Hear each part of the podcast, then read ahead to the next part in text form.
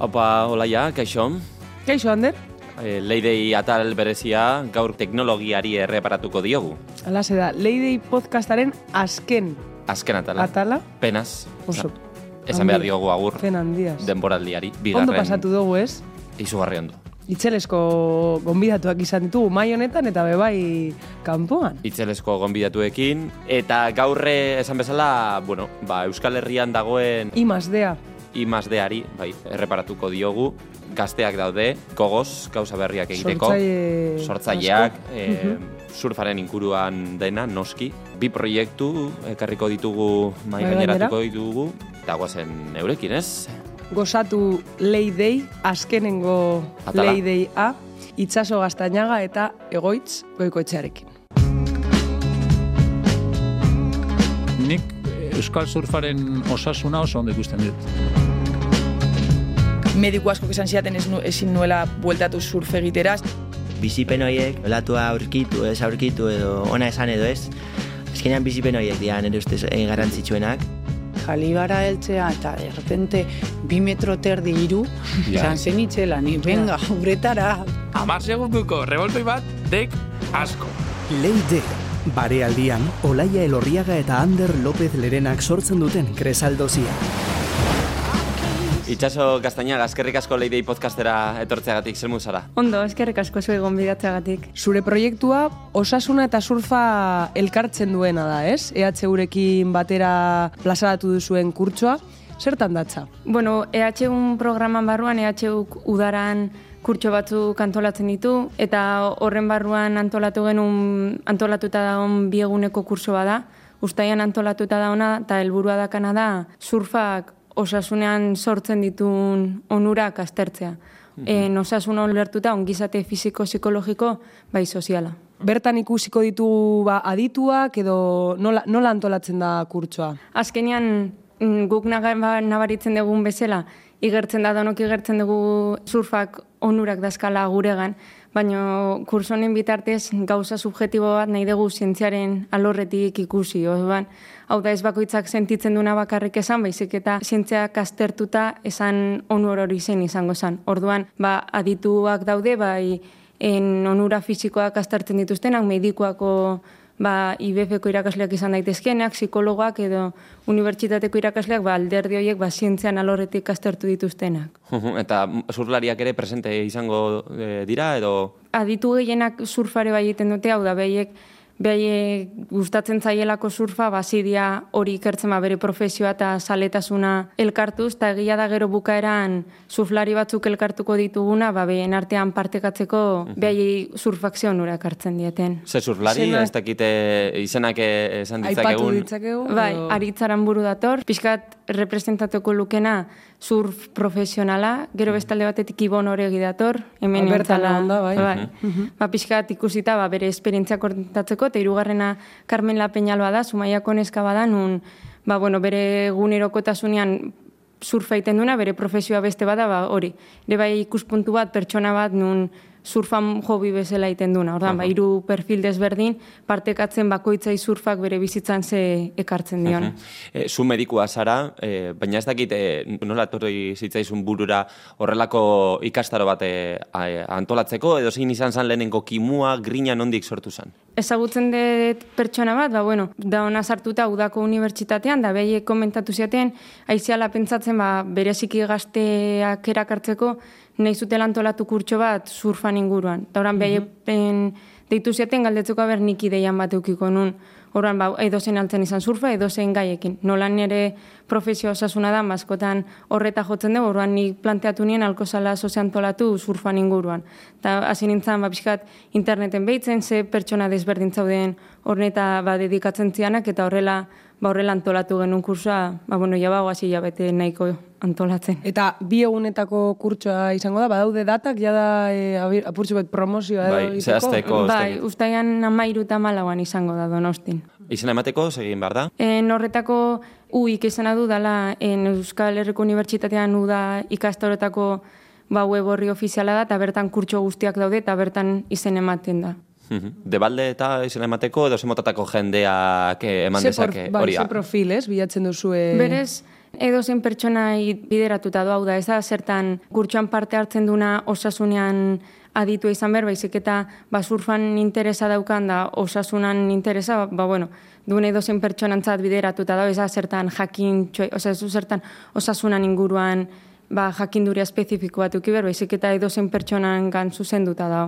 Bai gazte zar, bai, berez perfila zabala da. Bakoitzak zati bat aurkezten du, hau da, onura fisiko, psikologiko eta soziala, eta horiek horreta dedikatzen dira, da, dia profesionalak, behaiek gehienak dira dedikatzen dianak aztertzea kirola, eta gero gehienak kirolan barruan, ba, behaiek dakaten interesagatik surfa, surfa zuzentzen, ba, adibidez mediku bat, bea kirol medikuntza dedikatzen dela, eta zehazki pues, ezagutzen ditu surfan orurako aztertu ditu. Edo psikologo bat dedikatzen dela kirol psikologian, eta parte pues, landu du, eta ikasi du, eta ikertu du, zehazki surfa egiten duten kirolari hoiekin. Bueno, bueno argi, argi dago, eh, ni ez naiz eh, Euskal zientzialaria. Herrian aintzindariak.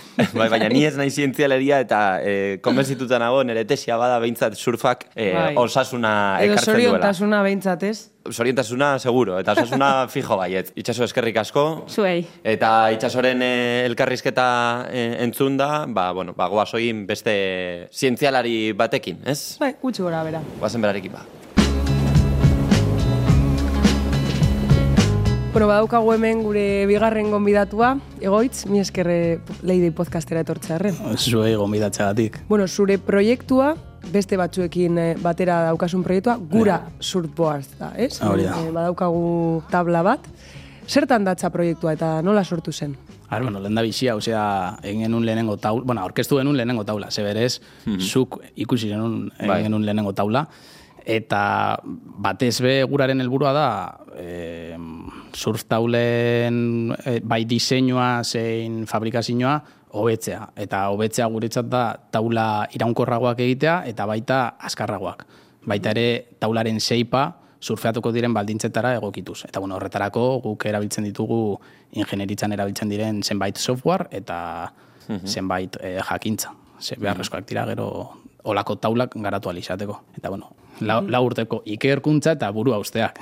Ze gogoratzen dut zuri aurkeztu nizun lehenengo taula. Bai, eske, apurtxo bat testu inguruan jartzeagatik egoitzek, e, bueno, e, e, idatzi, ibili izan egoitz hor e, sare sozialen bitartez jendeari idazten e, bebitu nabil proiektu hauekin apurtxo bat ezaguteratzeko. Hori da, bai. Jendeari, ba, bueno, ba, komentatzeko eusko artean zeukana. Eta bere helburua zan surflariek e, ba, probatzea, maila ezberdinetako surflari. Orduan hasi izan amater e, mundu horretatik, ez? Eta horrera, bueno, pues, iritze zitzaian eri eskaintza, nik baietz esan nion, probatu nuen nere Orduan zuke frogatu dozu, nik probatu dut. tabla. Eta ikusi dut e, garapena.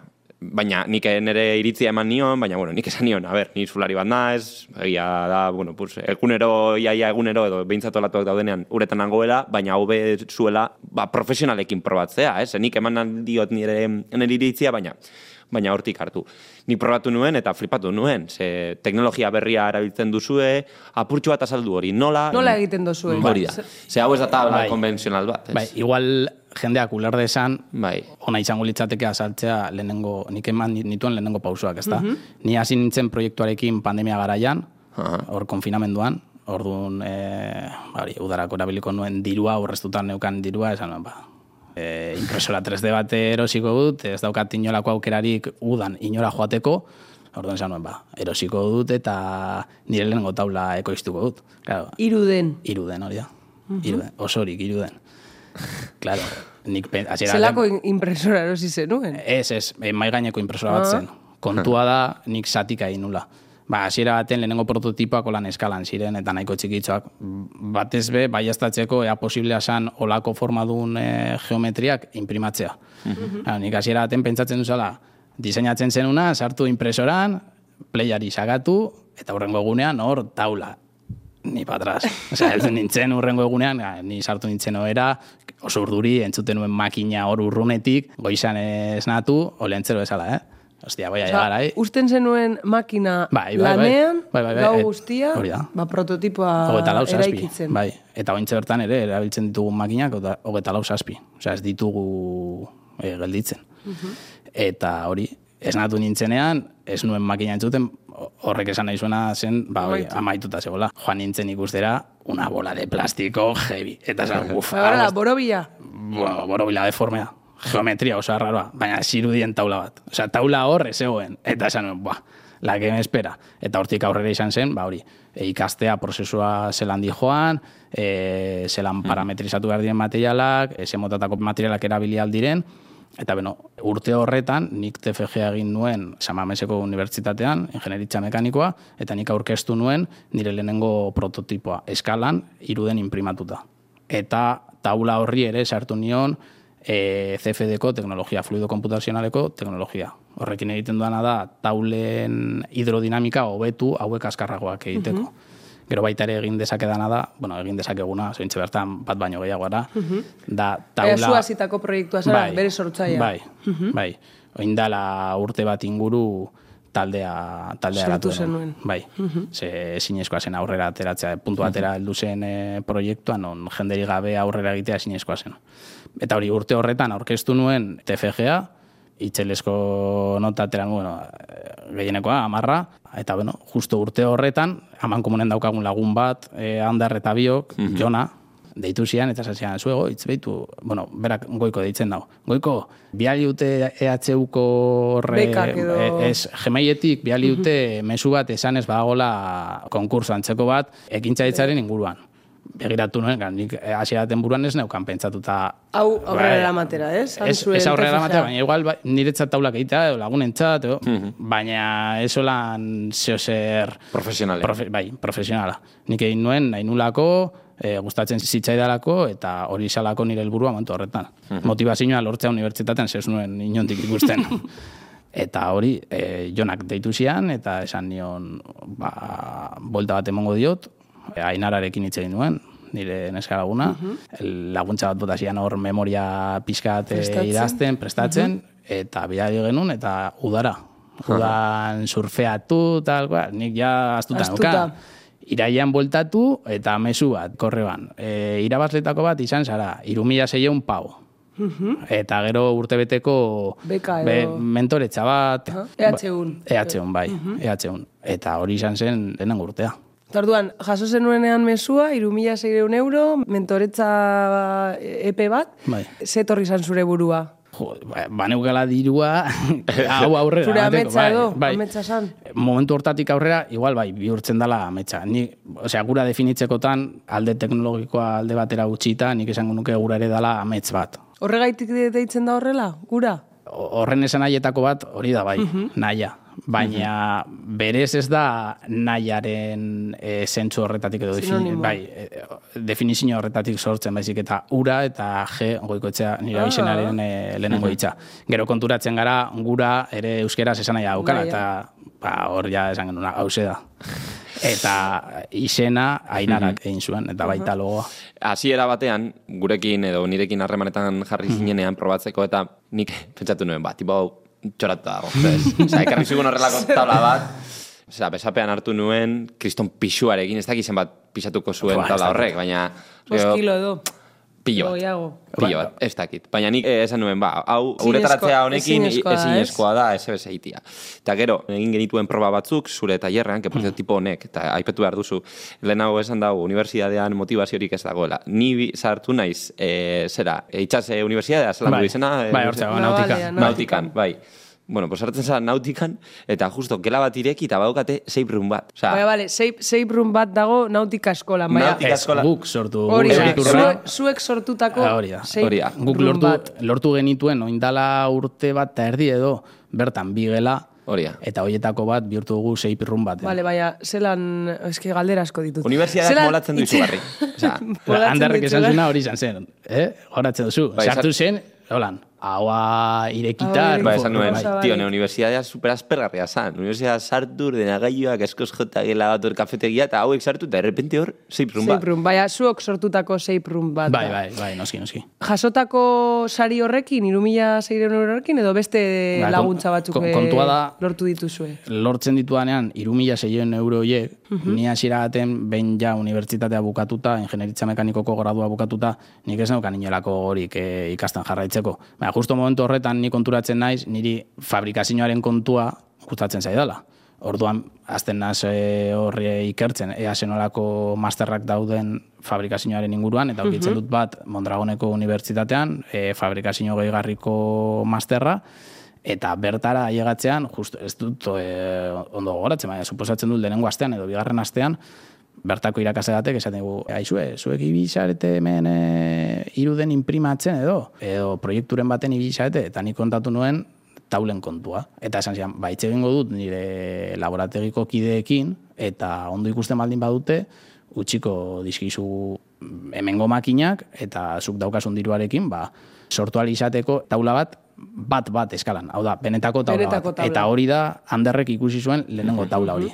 E, pizutsua, Vale. e, Hori da. Eta gero, Baina- probak egin ostean, porque tipoak, bueno, jartzen dizu horrelako, ez dakit, aparatu bat, edo gailu bat horrela kablekin, osea, ematen zu... Eta horrekin uretaratzen zara? Ez. Ah, Horrekin, ez. eite dituzu proba batzuk, edo egin genituen behintzat, laborategi batean. Bai, gure laborategian. Safe roomaren ondoan baukagu laborategi bat. Hori Bertan da. bauzkagu irude imprimadoreak, e, ordenadorea, garabatzeko kontuak, eta hor bertan egin genien bai handerri zein ruf hori, ba, test hori. Horrekin egiten duguna da, zurrari bakoitzak sortzen dituen indarrak taulan neurtzen ditugu, eta gero guk dauzkagun software batzuekin egiten ditugu, ez dakit, igual tekniko egia da esatea optimizazio topologiko bat. Horrek eh, guri esaten digu non sartu behar dugun material gehiago. Vale. Osa, zuok hartzen dozue eh, pertsona, Bai, neurtzen dituzue zenbait parametro, eta horrekin egiten dozue tabla.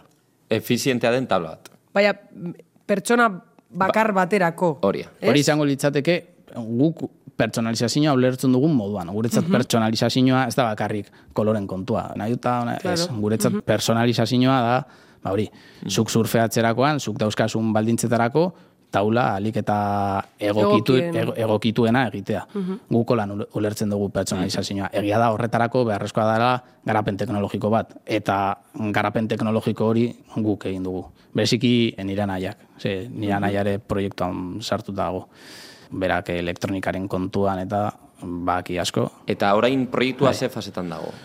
Ba, ointxe, Ze, bueno, a ber, bai. Rufo eta biok, eh, Bai. bueno, Ruben ne lagun bat da, aman komunen dakago lagun bat, Leidei podcasteren fan amorratua, amorratua, ez? bai. Baina, bueno, ara, eh, afera ez da hori, afera da, eh, azkenean gu, ba, beste zuzlari batzuk garela, osea, esan nahi dut ez gara horrela maila estratosferiko batean ari, zein da hoira egin helburu? Ez dakita horrela salto egin gura badozuen beste profesional mundu horretara, edo ze fasetan dago proiektua? Ointxe bertan guk urtarrilean atera genuen, e, bueno, plazaratu genuen kontua, Marka, bai, Instagramen, eta Webgunea. Hor e, bola pizkatein, bultzatu, eta kriston harrera izan zuen. Ointxe bertan gure helburua behin ja argitaratuta kontua da, hori saltoa egitea profesional maila horretara, eta profesionalek jakin desatela zenolako teknologiarekin hobetu alditugun taulak. E, eia esan da, gaur egungo seiper asko, kriston lana egiten dute, asko keskuz, ingenieroak izan da, guk badakigu bidea beste bat izan daitekela high performance mundu hori begira, ez?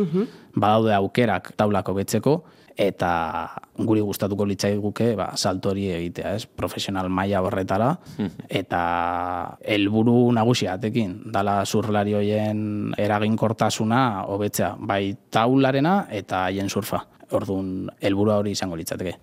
Hori bai, taula bat eskuz egitea hasieratik ez dakizue benetan zenolako lana den, osea, fliparia, Bai. benetan. Bai. Bai, Benetan.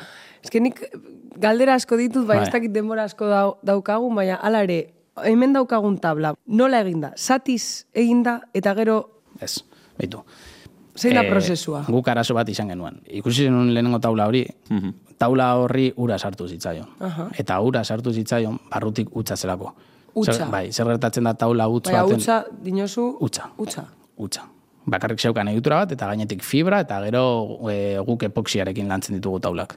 Bale, orduan badago shape Noski, prozesua atzetik. Bai, Claro, badago, jendeak agian Badago, badago. pentsatzen du, Bai, bai. imprimatzen Bai. duzula, eta venga, uretara. ez, ez, ez, ez, ez, ez. Ze, holan sartuz gero uretara e, taulakura zurgatzen du. Osea, izango litzateke foama uretara pues, sartzaren parekoa.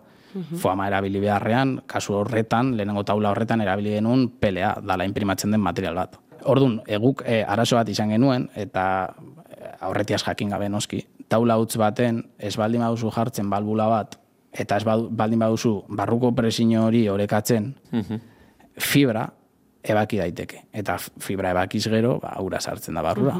Guk hori ez genekin.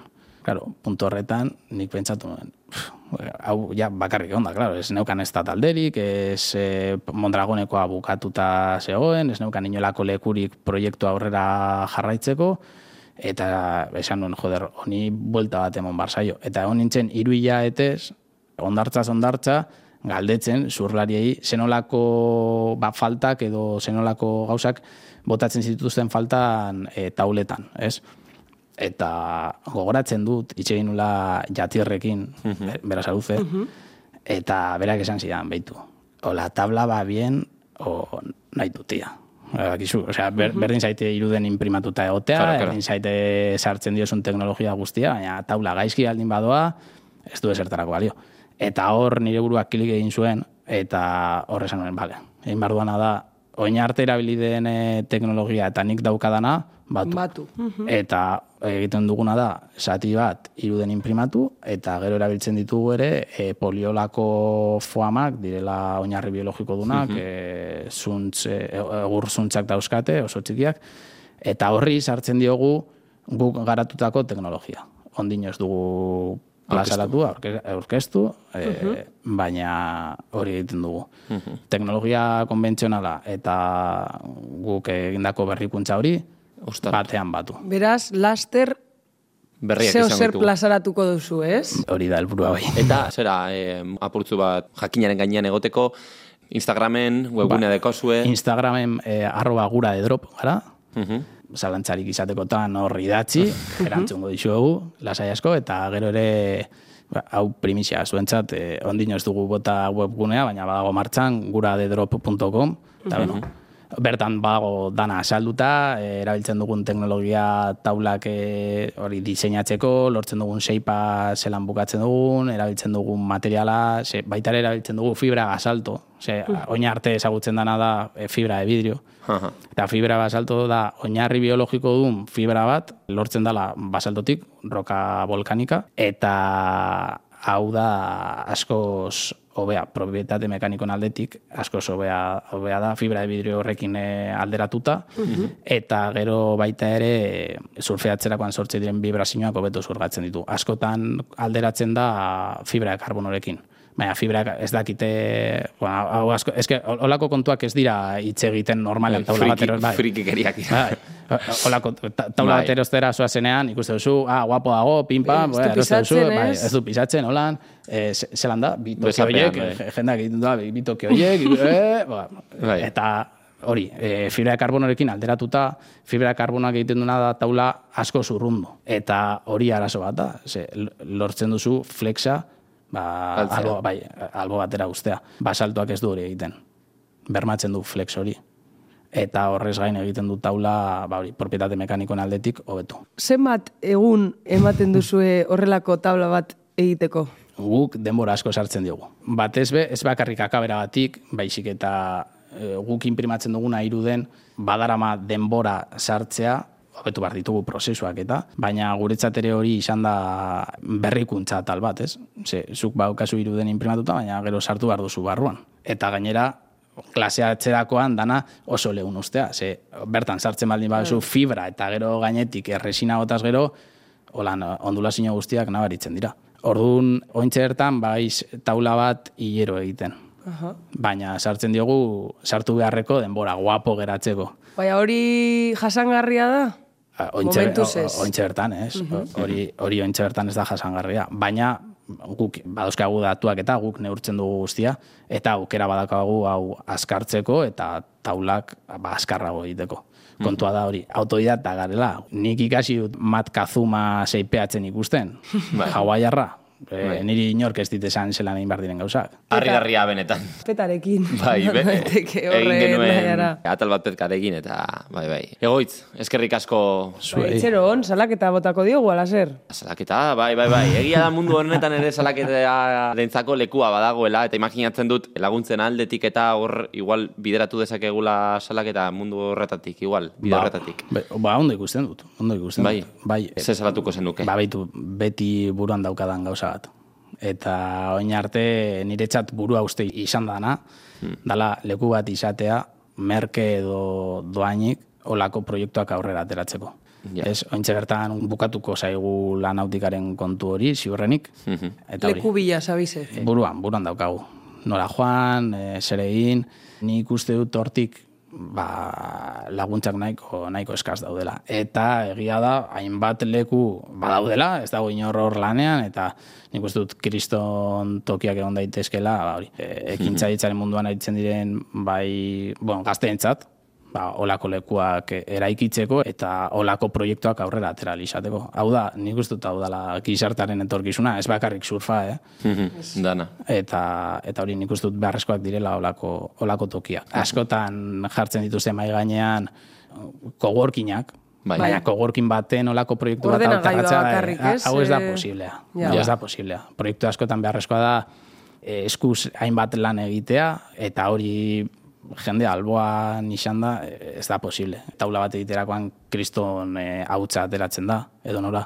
Zer, zer Bai, gara, bai. Antzekoa Ja. behar duzu. Edo txoko bat, lan, lanautikan daukagun eh, antzera. Guretzat bi gelatxo eta horrekin nahikoa. Mhm. Bueno, badaukagu egoitzen e, salaketa, mila mila esker Zuei, gurekin benetan. leiden e, egotearren, eta bukatzeko abestia, ez? Abesti bat, bai. Ez dakit saipeatzen eta musika jartzen duzu. Gutxi, ez dugulako entzuten makinaitik.